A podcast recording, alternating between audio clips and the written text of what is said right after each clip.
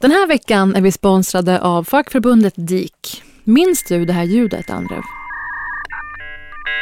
Eh, om jag minns när internet bara var ett oskyldigt litet löfte om att vår värld skulle revolutioneras. Mm, precis, och det löftet det höll ju.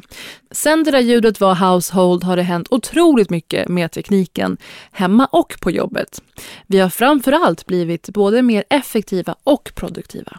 Ja, utvecklingen har ju frigjort en massa tid så att vi kan jobba mindre, fast det gör vi ju inte. Nej, värdet som teknikutvecklingen har skapat har inte kommit arbetstagarna till del. Tvärtom, vi jobbar bara ännu hårdare. Idag producerar då en genomsnittlig arbetstagare nästan lika mycket som två och en halv arbetstagare gjorde för 50 år sedan. Trots det har inget hänt med arbetstiden sedan 1973 när 40 timmars arbetsvecka infördes. Sverige har längst veckoarbetstid i hela Norden. Det är väl inte riktigt rimligt? Hela Norden. Vi borde ta vara på den tekniska utvecklingen och skapa mer tid till eh, livet utanför arbetet. Alltså en bättre balans mellan då arbete och fritid. Eller som en av DIKs medlemmar uttryckte det i en enkät häromåret. Jag undrar vad det är för mening med teknik och digitalisering om det inte frigör människor till att göra andra saker än att jobba. Mm. DIK, alltså fackförbundet för dig som jobbar eller studerar inom kultur, kommunikation och kreativ sektor. De tycker att det är dags att modernisera arbetslivet och kräver sänkt arbetstid för alla i lagen. Läs mer och bli medlem på dik.se. Everyone knows therapy is great for solving problems, but getting therapy has its own problems too, like finding the right therapist, fitting into their schedule, and of course, the cost. Well, BetterHelp can solve those problems. It's totally online and built around your schedule. It's surprisingly affordable too. Connect with a credentialed therapist by phone, video, or online chat, all from the comfort of your home. Visit betterhelp.com to learn more and save 10% on your first month. That's BetterHelp H E L P.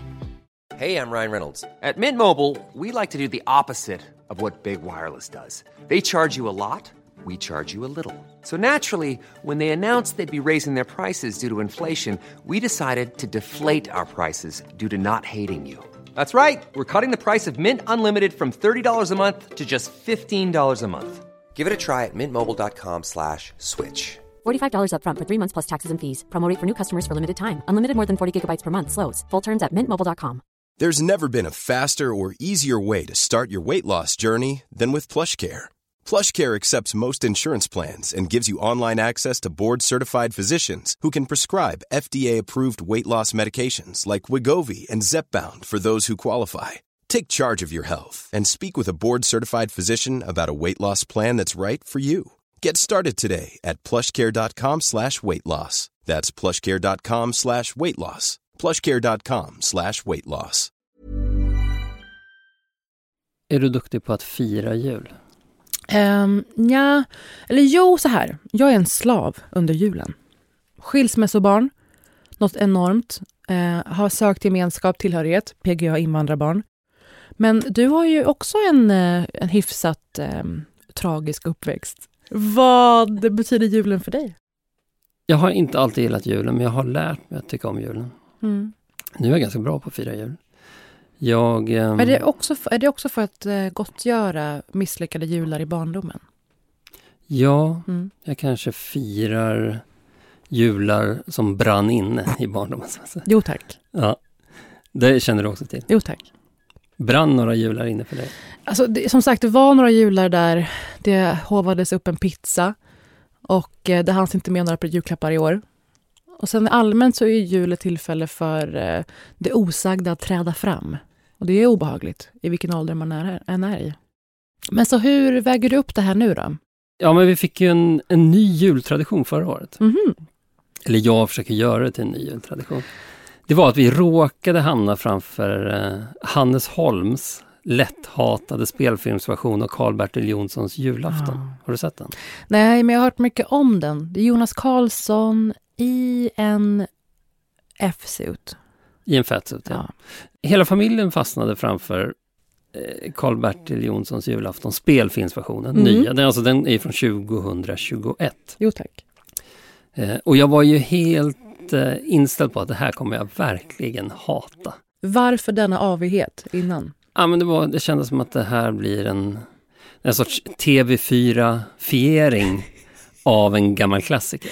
Jaha, det är, nog, det är ändå några som hade den tanken innan. Det som hände var att jag tyckte jättemycket om den. Mm. Den var mysig. Jonas Karlsson i Fatsuit, supermysigt. Är den lika kommunistisk? Eh, nej, Mm. men eh, som jag minns det så handlar det fortfarande om att ta från de rika och ge till de fattiga. Alltså ett stråk av kommunism. De har jobbat ner sig till socialism. Mm, ja, kanske. Jaha. Socialdemokratin. Ja. Här har vi något. Unga idealistiska ser originalet och är då vrålkommunister, inklusive Andrev. Mm. Och sen blir de äldre, de har bostadsrätter, de har olika eh, insatser i samhället. Och då uppskattar de en TV4 nertonad, inte lika längre kommunistisk. En lite tillrättalagd Jonsson. Ja, och då tänkte jag, det här ska få bli en ny jultradition, att vi ser den här nya glädjen. Jag blev så upprymd av att de skulle ha taglinen lite mindre kommi. Att de skulle vara öppna med det. Det krävs i vårt samhälle att man ska bara ta avstånd från sitt kommunistiska förflutna. Ja, Gör du det? Gör du det, André? ja, jag vet inte om jag har något kommunistiskt. Tok-kommunist. Jo, jag var Du med hade i Ung ju inte- Vänster som tonåring. Det är klart du var. Mm. Hela du skriker var med i Ung Vänster. Mm. Och du har ju sagt det själv, du hade ju liksom kläder utan färgämnen och drack bara genomskinlig saft när du var liten. Ja, men det var inte min kommunism. Det var ju min marinerade, mammas kommunism. marinerade kommunism. Ja, jag har... Eh, Ja.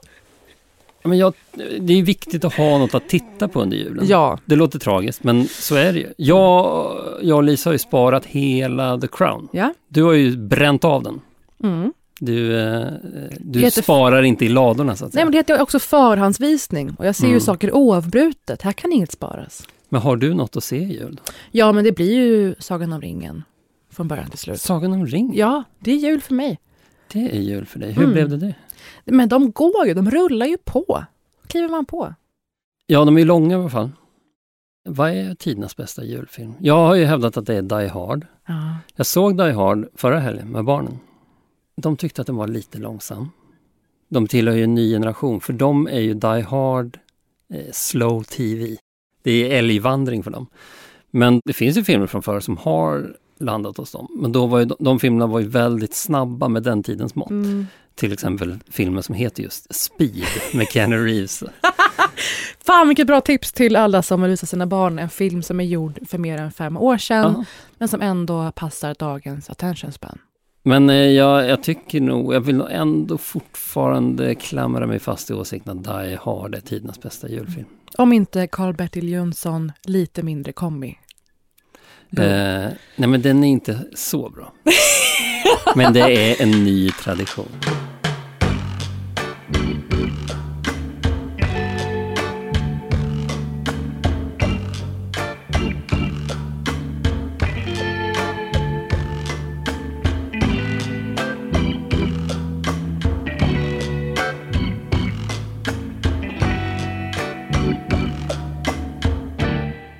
Du, årslistorna, kommer de inte lite väl tidigt i år? Jag tror att det är slut på budget på alla tidningsredaktioner. Ja, de kan inte ha någon bemanning i mellandagarna som måste bränna av allt nu. Ja, ah, nu ja. Mm. ja. Det jag tycker det är för tidigt. Och det kommer ju också att svenskar, vad svenskar har googlat i år. Och det är ju, vad är Hamas och liknande? Att det alltid är kopplat till nyhetshändelser. Just det. Och så har jag ruvat på vad ska vara detta års definitiva ord? Alltså det som är beskrivande för det här året. Vi hade ju 2020 skitåret. Ja, men det känns som att skitåret har varit eh, ordet i tiden de senaste fem åren. Nästan sedan Trump vann va? Så nu behöver vi någonting som pinpointar hur just det här året var ett skitår. Och jag har två filmer jag har sett som gav mig en slutgiltig känsla av vad jag kommit fram till. Så får du tycka till om det här ordet passar sen. Mm. Ska vi göra så? Mm. Först har jag en viktig fråga. Hade du varit en lyckad torped? Eh, jag vill tro det. Jag fantiserade ganska mycket om att bli lönnmördare när jag var liten. Alltså det var en av mina karriärdrömmar i livet. Plan B rent av? Plan B. Ja, min plan B blir dagisfröken. Pedagog. Akta mig för era mejl. Eh, jag tror att du hade varit en sådär torped. Det kräver att man har en viss förmåga att eh, döda vem som helst alldeles oavsett. Ja, det är just det där med dödandet. Jag gillar ju mest planeringen. För ena filmen handlar nämligen om en sån. Den är gjord av regissören som står för en slags tvångsmässig noggrannhet. Det är såklart David Fincher. Ja, vi pratar om The Killer. The Killer. Han har gjort Seven, Fight Club, Zodiac Killer. Kolla upp honom. Det sägs att The Killer är en manifestation av Finchers inre. Mm. Det kanske var dit du var på väg. Nej. Hans eh, psykotiska precision. Ja, alltså att The Killer är en, eh, en sorts allegori över hur han jobbar med att göra film. på något vis. Oh ja, Mark Ruffalo, Ruffalo som är aktuell i eh, Poor Things med Emma Stone, Willem Dafoe. Vi kommer eventuellt prata om den snart i och med att um, den har premiär i Sverige i januari. Men jag har ju sett den och Mark berättade i en intervju om den eh, att han fick göra uppemot 60-tal tagningar ibland med David Fincher och att det var så små detaljer som avgjorde det. Hur ljuset föll, hur mycket de blinkade. Besatt människa. Ja, Och eh, Mikael Fassbender spelar då torpeden i denna då nya film The Killer. Hur känner du för Mikael Fassbender? jag gillar eh, Mikael Fassbenders eh, aura. Mm. Den är ju tveklöst där. Han var ju fenomenal i Steve McQueens filmer som Shame, där han var en sexmissbrukare, Hunger, IRA hungerstrejkare, fängslad. Eh, men sen så har han ju fått spela ganska mycket liknande personer, upplever jag, Fassbender. Det är tre känslolägen. Det är en väldigt sammanbiten, plågad man. Han är ju jättebra som robot. Alien Covenant och de här. Jättebra som robot även. Eh, men det som händer i The Killer då är att ett typiskt torpedjobb går snett. Och vi följer sen med på ja, metodisk, brutal hämndaction. Och det är ju alltid underbart. Eh, Hämnd kan aldrig underskattas Nej. som drivmedel för en historia. Ja, och den här enorma precisionen du pratar om som Fincher ju delar. Hur han planerat saker i minsta detalj. Jag är svag för sånt. Tyvärr är det en besatthet av Morrissey filmen igenom, men som passar en psykotisk eh, mördare. Där Mm. fick vi även Morrissey-recensionen med i podden. Och, eh, sen drar han sig också med olika mantran för att liksom motivera sig själv, orka leva med det han håller på med. Men som tyvärr känns väldigt eh, gäst i framgångspodden. Ja, men här är det väl David Fincher som pratar igenom sin huvudkaraktär om sitt eget skapande. Jag vet inte om David Fincher kan sätta sig på en så hög häst. Alltså han har ju tacklat av lite.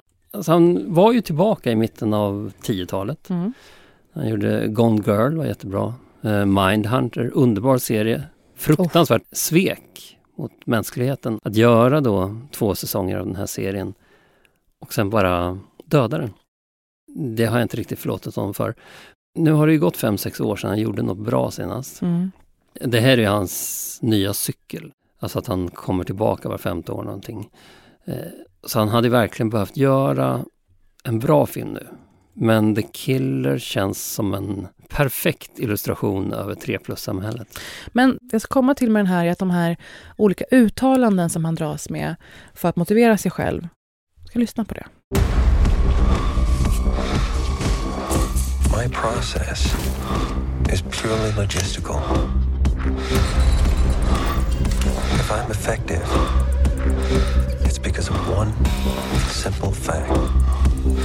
I don't give a Man hör att det är någon som skulle kunna sälja föreläsningar för 50 000. Ja, absolut. Men jag kände, nu när du spelade upp det så kände jag att jag saknade filmen lite. Nej, fint. Nej, den är spännande. Jag Det, tycker du ska se den. alltid, det finns någonting väldigt kittlande med att få vara inne i en annan människas hantverk. Det är så sexigt med någon som kan någonting. Ja, men de här mantran ändå, eh, det var kvar i mig. Att de var lite på gränsen till pinsamma, ibland övertydliga. Och de skulle hela tiden befästa hur han motiverar att han kan mörda folk. Och det är för att han inte bryr sig. Det är du med på. Ja.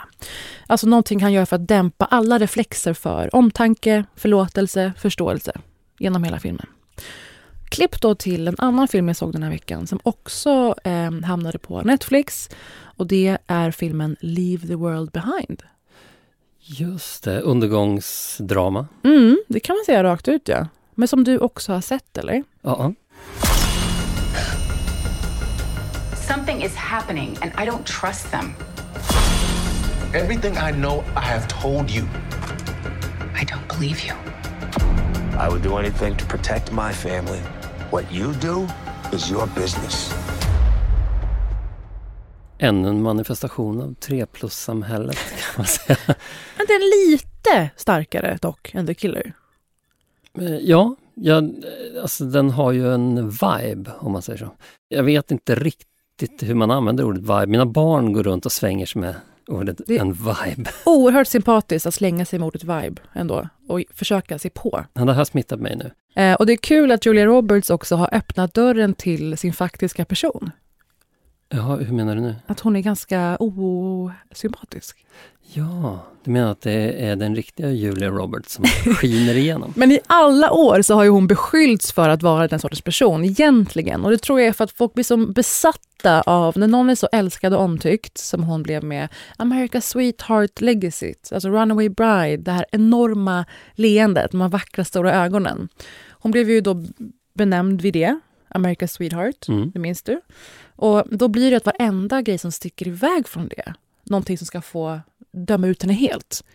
Eh, Så det har i många år varit en sån ryktesspridning att hon egentligen är iskall, hemsk. Och nu är det som att hon ger efter och bara, nu får ni lite av det här som ni verkar sukta efter. För det kommer den här filmen som också var 3 plus, eh, Ticket to Paradise med George Clooney, romcom i paradiset. Jag har inte sett den. Nej, det behöver du inte. Där hon också var en slags allmän Karen, som det heter numera. Dömande, kall, krävande. Kunden vet bäst, gärna rasistisk. Ett uttryck som populariserades förra året va, i USA. Kanske något år innan till och med. BLM visade oss väldigt många Karens. Känner vi några sådana? Absolut. Det fanns en scen i Leave the World Behind som jag spolade tillbaka flera gånger och tittade på igen. Det är när Julia Roberts går ner i köket och eh, letar efter rätt switch på lampknapparna. Så först tänder de fel, så tänds det ute i trädgården utanför fönstret. Och så ser man alla de här ögonen som glittrar ut i skogen. Av alla, Hjortar alla som hjortar söker sig som står och dit. stirrar på huset. Och sen så släcker den där lampan Mm. igen, så det är bara två sekunder eller någonting. Och hon ser det inte själv, men vi som tittare ser att de är där. Där kan man snacka om en scen med en bra vibe. Det var väldigt snyggt gjort. Att hotet är precis utanför, precis i närheten på något sätt. Och att vi går runt i våra banor i livet och bara fortsätter leva på fastän saker pågår. Det är det filmen manifesterar lite. Det är väl en ganska trött symbolik det här med djurriket eh, som Varnar. kommer för att döma oss för vad vi har gjort mot jorden. Inte att djuren varnade dem av omtanke, det är att de dömer dem. Djuren är Karens. Jag ska säga att oavsett vilket så var det lite trött, men det var väldigt snyggt. Ja! Nej men det var verkligen eh, trött. Jag, jag såg det som en nästan eh, parafrasering till hur sådana thrillerfilmer är uppbyggda, eller sådana kusliga dystopifilmer är uppbyggda. Men här sitter jag och försöker hitta en rimlig förklaring till allt. Det behövs ju inte heller. Och så förutom då det här som du var inne på, att det är en trött symbolik, så är ju det här thriller, om det ens är det. Ska vi säga att det är en thriller? Dramatriller kanske. Ja. Det är dramathrillerns Don't look up. Det var ju också en sån poäng i den. Ja, den var väl om möjligt ännu lite övertidigare får man säga. Men det och var ju, lite sämre. Ja, men det var en komedivariant av det hela. Att Leo DiCaprio och Jennifer Lawrence, de ska varna jorden för en eh, komet som ska utplåna oss. Och då börjar folk eh, prata om vem Ariana Grande är ihop med istället. Alltså man bara återgår in i samma gamla banor och låter sig distraheras av nyhetskultur och eh, skvaller. Men jag tycker att den ändå är sevärd. Det är ju Sam Is Esmail som gjorde Mr. Robot också. Då fattar man att det kommer handla om att internet är farligt! Datorerna är ute efter oss.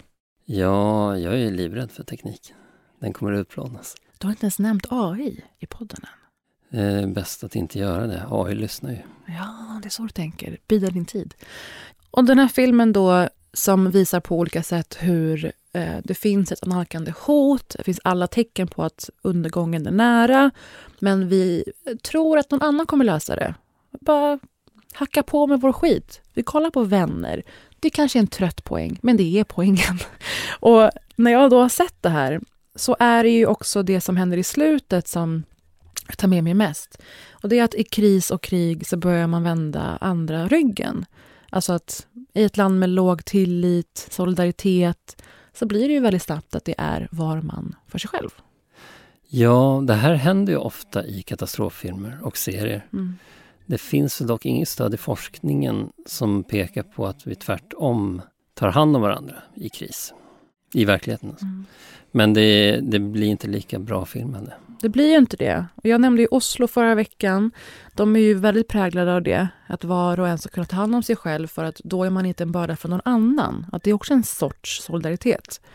Och under covid-pandemin så fick vi ju höra det ganska ofta. Att så här, se till att du har ditt och att du sköter dig. För då belastar inte du systemet. Kommer du ihåg att det var sådana ja. tongångar? Ja, det låter bekant. Mm. Och nu då landar vi i hur de här två filmerna puttade mig in i vad som ska vara årets ord enligt mig. Alltså just underkategorin till att alla år är skitår numera. Eh, och det är ett ord som jag hörde från en vän i vården nyligen. Men som du kanske har hört hundra gånger. Det här är en klinisk term på ett tillstånd som de i vården ofta råkar ut för. Eh, samvetsstress eller empatitrött. Oj, ja. Spännande. Har du hört det? Nej, jag har inte Nej, hört det. eller hur? Man kan faktiskt förlora sin empati och åtminstone tillfälligt bli empatilös.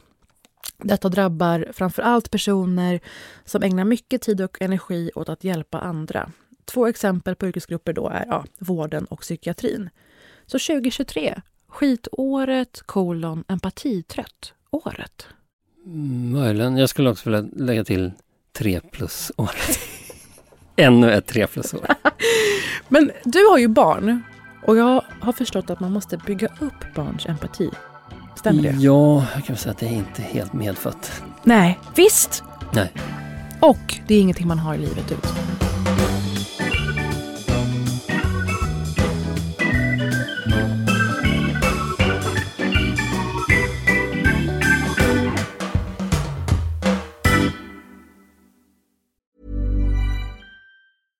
Hey, I'm Ryan Reynolds. At Mint Mobile, we like to do the opposite of what Big Wireless does. They charge you a lot, we charge you a little. So naturally, when they announced they'd be raising their prices due to inflation, we decided to deflate our prices due to not hating you.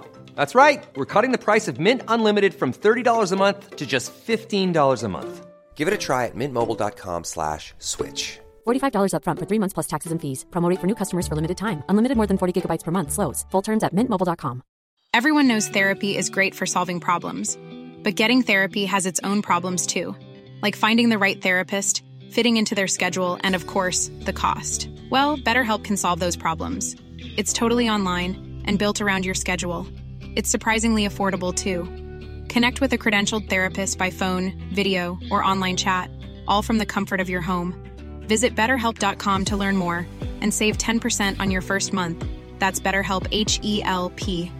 Hi, I'm Daniel, founder of Pretty Litter. Did you know cats tend to hide symptoms of sickness and pain? I learned this the hard way after losing my cat, Gingy. So I created Pretty Litter, a health monitoring litter that helps detect early signs of illness by changing colors, saving you money and potentially your cat's life. Pretty Litter is veterinarian developed, and it's the easiest way to keep tabs on your fur baby's health right at home. Go to prettylitter.com and use code ACAST for 20% off your first order and a free cat toy. Terms and conditions apply. See site for details. Jag tänkte prata lite om en ny Tinder-svindlare. Det har väl blivit ett substantiv? Va? Det är ett vedertaget begrepp, ja. Ja, det känns som att Tinder-svindlare har blivit ett, ett skrå. De inspirerar kanske fler, ja. Som seriemördare i Mindhunter. Men det har väl också att göra med att Tinder finns nu Ja. och inte fanns förr. Och precis som att eh, fler människor dör i Voi-olyckor idag än för tio år sedan. Av den enkla anledningen att det inte fanns några Voi-cyklar för tio år sedan. Eh, så kommer det också Tinder-svindlare för att Tinder finns idag och inte fanns för tio år Och som innan hängde på datingsajter säkert. Eller bara good old bar dating. Det Tindersvindlaren som jag ska prata om, det är inte samma Tindersvindlare som Tindersvindlaren i den där Netflix-dokumentären från 2022. Såg du den? Ja, men jo. Ja. En dokumentär som hette just, Tindersvindlaren. just det. Ja. Jag ska prata om en annan Tindersvindlare. Eh, I mitt anteckningsblock här har jag skrivit Blekinges Cyrano de Bergerac. Cyrano de Bergerac är ju en, en guldstandard kan man säga. I det här fallet för talets gåva. Det är lite som man säger att äppelsorten jazz är frukternas Rolls Royce. Oj! Så kan man ju säga att någon är Tinders Cyrano de Bergerac. Mm. Eh, för några kvällar sedan så halkade jag ner i ett kaninhål på internet. Mm. Som man gör. Eh, jag ligger på soffan med laptopen i knät. Eh, belyst av min egen skärm. Eh, och det milda skenet från julgranen. När jag hittar kaninhålets ingång. Jag hittar den på SVT Lokalnyheters sajt i Blekinge. Där det finns en följetong av artiklar och nyhetsinslag om en 33-årig man från Blekinge som nyligen dömdes till två års fängelse för att han har svindlat på Tinder. Mm. Han är alltså en så kallad Tindersvindlare. Han har inte alltid varit Tindersvindlare. Från början var han en helt vanlig svindlare. Mm. Specialiserad på konsertbranschen. Där han har lurat till sig typ 30 miljoner kronor med löften om att ta band som Coldplay och Lady Gaga till Sverige. Fräckheten! Ja. Det kan man ändå tycka är lite, ja, det är lite imponerande. Ja, han skulle också Men arrangera en housefestival i Örebro som aldrig blev av. Eh, men är det någonting man ska agna en krok med för att lura svenskar så är det ju Coldplay och House. Det är sen gammalt. Fruktansvärt. Mångas pensionspengar åt helsike. Alltså han var då en, en svindlare i konsertbranschen. Mm. Lite som, eh, kommer du ihåg eh, Netflix-dokumentären Fire? Underbart! Fire Festival med Y. Men mot slutet av den svindlarbana som ska leda honom rätt in i fängelset börjar han också svindla kvinnor på Tinder. Mm. Och blir således en Tindersvindlare. Det är ju något som fascinerar med Tindersvindlare. Mm. Det finns ett skäl till att jag klickar mig djupare och djupare ner i kaninhålet när det handlar om Tindersvindlare. Kan du gissa vad det är? Ah, men jag hade väl varit nyfiken på alltså lite metod här också då, som med The Killer och Mikael Fassbender. När någon är bra på någonting. Ja, det är intressant att säga det för att jag kommer snart att testa dig. Nej, okej. Okay. Men ja, skälet till att jag tar mig ner i det här kaninhålet är att jag måste få veta vad det är han skriver och säger till kvinnorna för att de ska bli så kära i honom att de ger honom alla sina pengar. Menar, ja. Han måste ju ha språkets gåva. Någonting har han ju, tyvärr. Men har du fått svar? Ja, han måste vara en fullfjädrad poet. En skald. Alltså tyvärr så tror jag inte att det längre är så att renodlade kärleksförklaringar är det som gör att tjejer kan göra sådana saker. Det måste också finnas något element av... Det är väl eh, hot and cold man säger. Att hot and vad? Hot and cold. Eh, någon slags the game-variant som är att någon är... Eh, att någon både slår och smeker. De krokar i något trauma, tänker jag. På liksom personer som har vissa tendenser att eh, tro på såna här män. De vet vilken sorts kvinnor som kommer att falla för dem. Jag försöker förstå, som med all grooming eller manipulation, vad det är de, eh, vad, vad det är de riktar in sig på hos offren. Så kan jag säga. Eller så kanske han bara är snygg. Kanske skitsnygg. Var han det? Jag vet inte, hur snygg skulle en man behöva vara för att du skulle ge honom alla dina pengar? Tom Hardy. Tom Hardy. Fassbender? Mm, eventuellt. Eh, jag kan säga att han är ingen Tom Hardy. Nej, okej. Okay. Men eh, jag, jag, är inte så intresserad av hur han ser ut. Nej. Utan, för att det är så uppenbart att det handlar om vad han säger. Det jag klickar omkring efter är alltså svaret på frågan om hur det låter mm. när Tindersvindlaren från Blekinge dyrkar upp ett kvinnohjärta. Mm. Svar hittades. I de här nyhetsinslagen visar det sig att vissa av de lurade kvinnorna har sparat videoklipp i sina telefoner.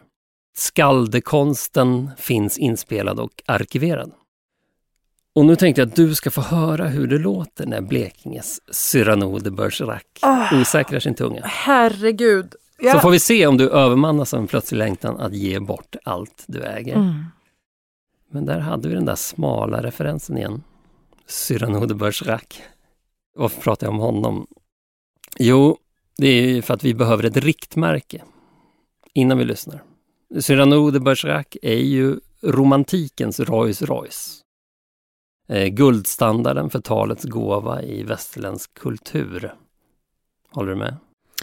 Eh, ja, absolut. Men det här har nog gjorts lite populariserat i och med att eh, Peter Dinklage, känd från Game of Thrones, iklädde sig Cyrano i en spelfilm 2021. Just det. Ja. Vi återkommer till honom. Ja. Eh, sagan om Cyrano de Bergerac berättas eh, första gången i en pjäs i det sena 1800-talets Paris.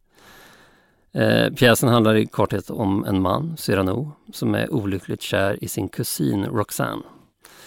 Eh, Cyrano har talets gåva, eh, men också en väldigt stor näsa. Och till skillnad från dig Parisa så har ju den här pjäsens huvudperson ingen iransk pappa som erbjuder honom en plastikoperation på hans 18-årsdag. Du valde ju New York-resan istället för du fick ett val. Ja, det står jag för än idag. Mm. Mm. Cyrano hade nog valt operationen om han fick ett val. Mm. Du och jag Parisa bär ju, vi bär ju våra näsor högt. Mm. Jag har inget problem med att vi driver podcasten med mest näsa per capita. Cyrano är ju inte stolt över sin näsa. Han bär sin näsa som en börda genom livet. Han är ful. Eh, och sen i den handlingen finns ju också en tredje karaktär. Eh, Christian. Som saknar talets gåva men har en perfekt liten näsa. Eh, han är vacker. Och liksom Cyrano kär i Roxanne. Det är det här som är historien. Att Cyrano, tvivlande på sin egen förmåga att vinna Roxannes kärlek eftersom han är ful, eh, börjar hjälpa Christian att skriva kärleksbrev till Roxanne. Eh, de blir liksom en person. Han vill ju berätta för Roxanne hur vacker hon är och hur mycket han älskar henne. Men han kan inte göra det som sig själv. Så då använder han Christian som en sorts puppet. Tillsammans blir de den allra första Tindersvindlaren. 100 procent. Mm. Den här pjäsen har ju filmatiserats säkert 20 gånger. Mm. Eh, jag tror att den mest klassiska versionen är den från 1990 med en ung Gerard Depardieu. Mm. Eh, när han fortfarande var likeable. Eh, den mest sedda versionen är förmodligen den från 1987 med Steve Martin och Daryl Hannah. Oh. Som hette just Roxanne. Den har jag också sett.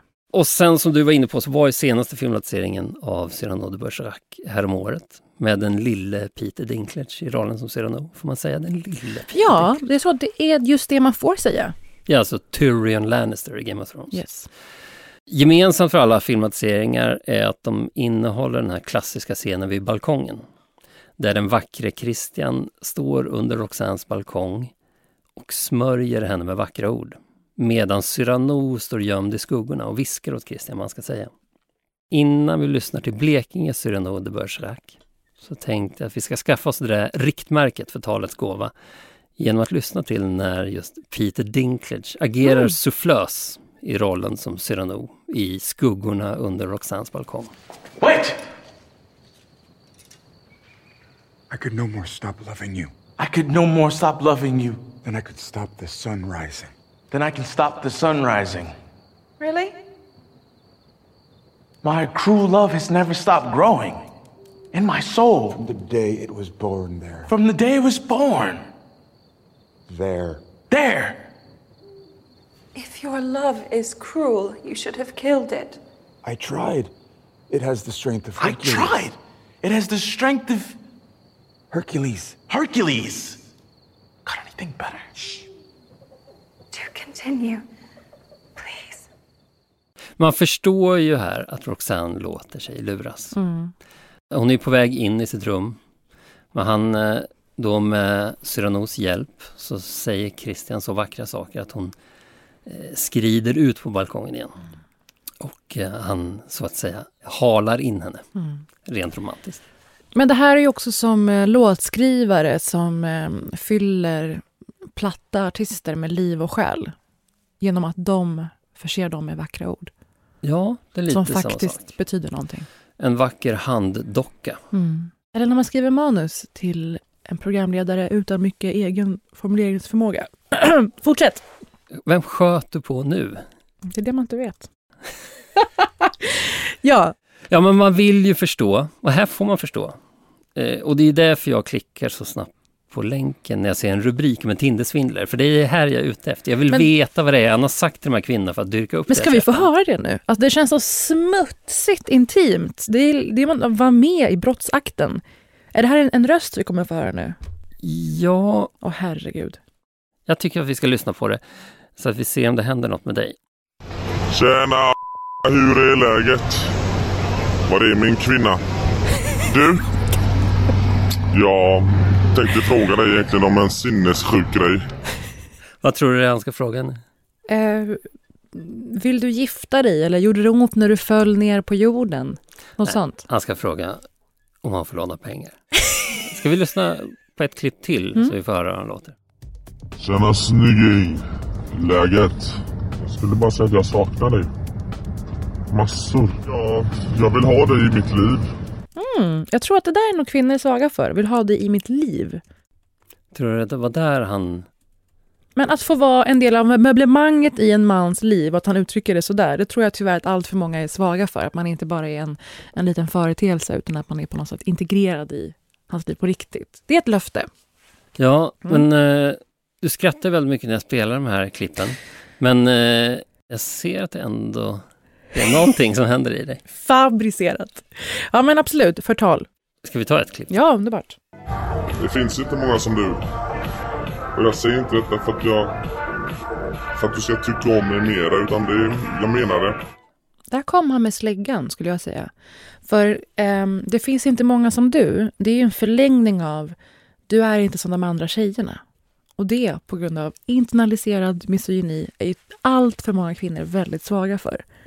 Att de har liksom en särställning mot sitt eget kön. Sådär. Är det där han dyrkar upp dig? Det kanske är där han kommer rätt in i swishen. Hur mycket ska han ha? Han är ute efter eh, sexsiffriga belopp. Alltså, för att jag har hört mycket om de här sakerna, för det finns ju en podmi eh, faktapodd också som heter Sveriges värsta Tinderbedragare, gjord av Matilda Blom, väldigt duktig. Då, jag var ju mest besatt av vad är det med kvinnorna? Det här är intressant. Du är fascinerad av vad är, det hans, vad är hans nycklar? Och jag har varit så, vad är det som har hänt dem som gör att de är mottagliga när någon kommer och sen också är sådär krävande. Att folk inte har något eh, kontaktnätverk de kan få pengar av istället. Eller att någon som har ett så stökigt liv ändå är någon värd att investera i på det sättet. Jag har ändå varit väldigt fascinerad av det. Och det är ju någon slags ofta otrygghet, osäkerhet som gör att man kanske öppnar upp sig för när någon kommer och påstår sig vilja finnas där på riktigt. Var är min kvinna? Och det säger ju någonting om hur fattiga, hemska upplevelser man måste ha haft i övrigt, tänker jag. Det kanske faller sig naturligt att du tänker mer på kvinnorna och varför de Mm. agerar som de gör. Och jag är nyfiken på mannen och Mm. hur han lyckas med det han gör. När jag lyssnar på de här klippen så kan jag känna att det verkar vara väldigt lätt att vara Tindersvindlare. Det är det jag menar med att det kommer inspirerade nu. Det här har jag något att falla tillbaka på om författarkarriären går åt helvete.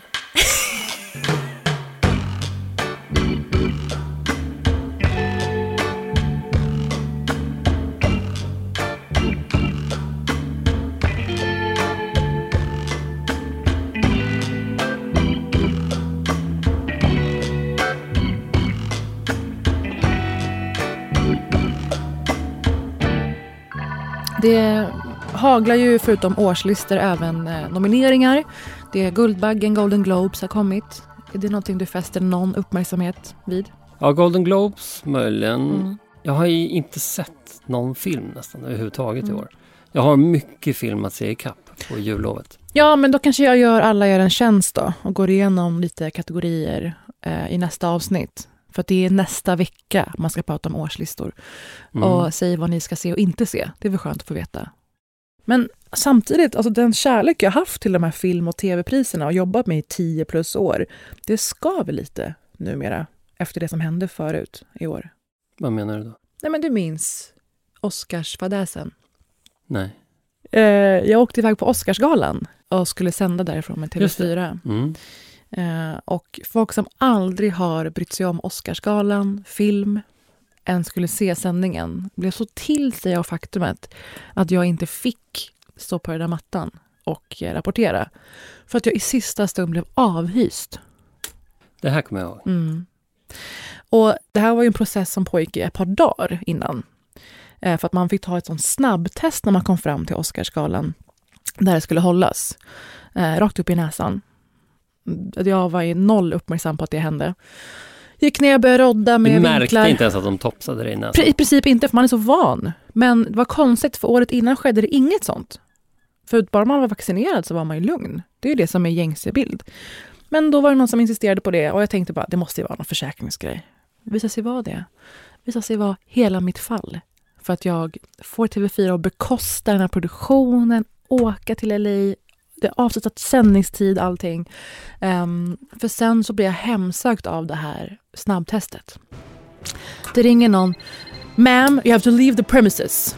Stridspitt skriker mig i örat när jag står där och roddar på den där mattan med kameran. Eh, förlåt, säger jag då. Lite mysigt att ändå att, att något så filmiskt hände att en amerikan skriker you have to leave the premises. Ja! Eh, och han bara, jag ringer upp dig när du har gjort det. Jaha, okej, okay. är skakig. Då säger han att ditt test har blivit positivt. Och jag är så, okej, okay, men vad kan det betyda? Jag trodde det bara var en praxisgrej. Eh, går ut där, lämnar min kameraman, producent. Han ringer upp och så säger, alltså jag går upp till kontoret, helt hysterisk. Bara, vad håller ni på med? Ni ser att jag är vaccinerad, ni ser det här och det här. Och då får jag till slut tjata till mig att men låt mig gå och göra ett 14 timmars PCR-test.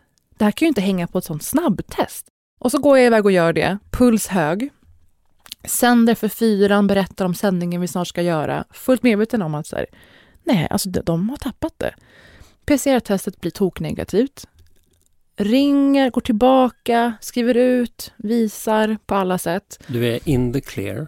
Och de är så, ja men vi måste kolla det med producenterna. Men ni kan få gå ner och preppa färdigt, absolut. Gör en sändning därifrån också för nyheterna eller någonting. Och så sitter man i galamundering i sin lägenhet till slut och berättar lite om filmerna innan reklampauserna. De trodde inte på PCR-testet? Liability causes. Och det är allt som är vidrigt med USA. Försäkringen. Alltså jag, jag, jag vet inte om jag ska säga att det liksom är förstört för mig, men du fattar ju att jag har slaknat lite. Jag ser på det att det här är ett trauma. Nej, men för inte bara det här, att så här, ha avsatt tid, tagit ledigt från radion som jag var på då, eh, men sen också eh, skadeglädjen i lilla, lilla Sverige veckorna efter. Så jag sitter där i min galamundering i lägenhet som sagt. Här finns det bra ljus och ljud, rapporterar. Min producent fick stå på den där mattan och ropa efter olika kändisar. Ingen kom fram. Ja, men han skötte det ändå jättebra tycker jag, ska jag säga. Och sen är det diverse panelmunnar i brist på innehåll som spekulerar skadeglatt dagarna efter. I brist på annat att prata om, jag vet inte. Då önskar jag att jag hade haft 40 grader och mått skit. Så de hade fått skämmas. Men ja. det var nästan värre att så här, vara helt frisk och se det där. Um, men så det var, det var det fram till att Aftonbladet skrev att jag var inlåst i Los Angeles. Har du satt i någon sorts eh, karantän? Ja. Stora icke-journalistpriset. Vad ska du ta upp tror du framgent? Ja, jag har inte sett så mycket filmer i år. Mm. Men jag vill nog prata om årets tv-serier. Mm. För där är jag som folk är mest. Jag tittar mycket på tv-serier. Underbart! Det är ett rikt liv. Tack och hej! Vi hörs nästa vecka. Salut!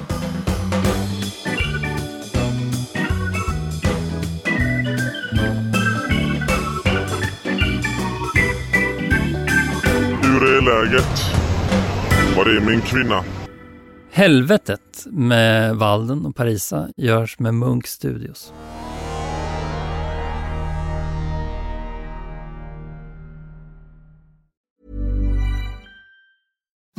Imagine the softest sheets you've ever felt. Now imagine them getting even softer over time. That's what you'll feel with Bowl and Branch's organic cotton sheets. In a recent customer survey, 96% replied that Bowl and Branch sheets get softer with every wash. Start getting your best night's sleep in these sheets that get softer and softer for years to come. Try their sheets with a 30-night guarantee. Plus, get 15% off your first order at bowlandbranch.com. Code BUTTERY. Exclusions apply. See site for details. Hey, it's Paige DeSorbo from Giggly Squad. High quality fashion without the price tag. Say hello to Quince. I'm snagging high-end essentials like cozy cashmere sweaters, sleek leather jackets, fine jewelry, and so much more. With Quince being 50 to 80% less than similar brands. And they partner with factories that prioritize safe, ethical, and responsible manufacturing. I love that. Luxury quality within reach. Go to quince.com slash style to get free shipping and 365 day returns on your next order. Quince.com slash style. Hi, I'm Daniel, founder of Pretty Litter. Did you know cats tend to hide symptoms of sickness and pain? I learned this the hard way after losing my cat, Gingy. So I created Pretty Litter, a health monitoring litter that helps detect early signs of illness by changing colors, saving you money and potentially your cat's life. Pretty Litter is veterinarian developed, and it's the easiest way to keep tabs on your fur baby's health right at home. Go to prettylitter.com and use code ACAST for 20% off your first order and a free cat toy. Terms and conditions apply. See site for details.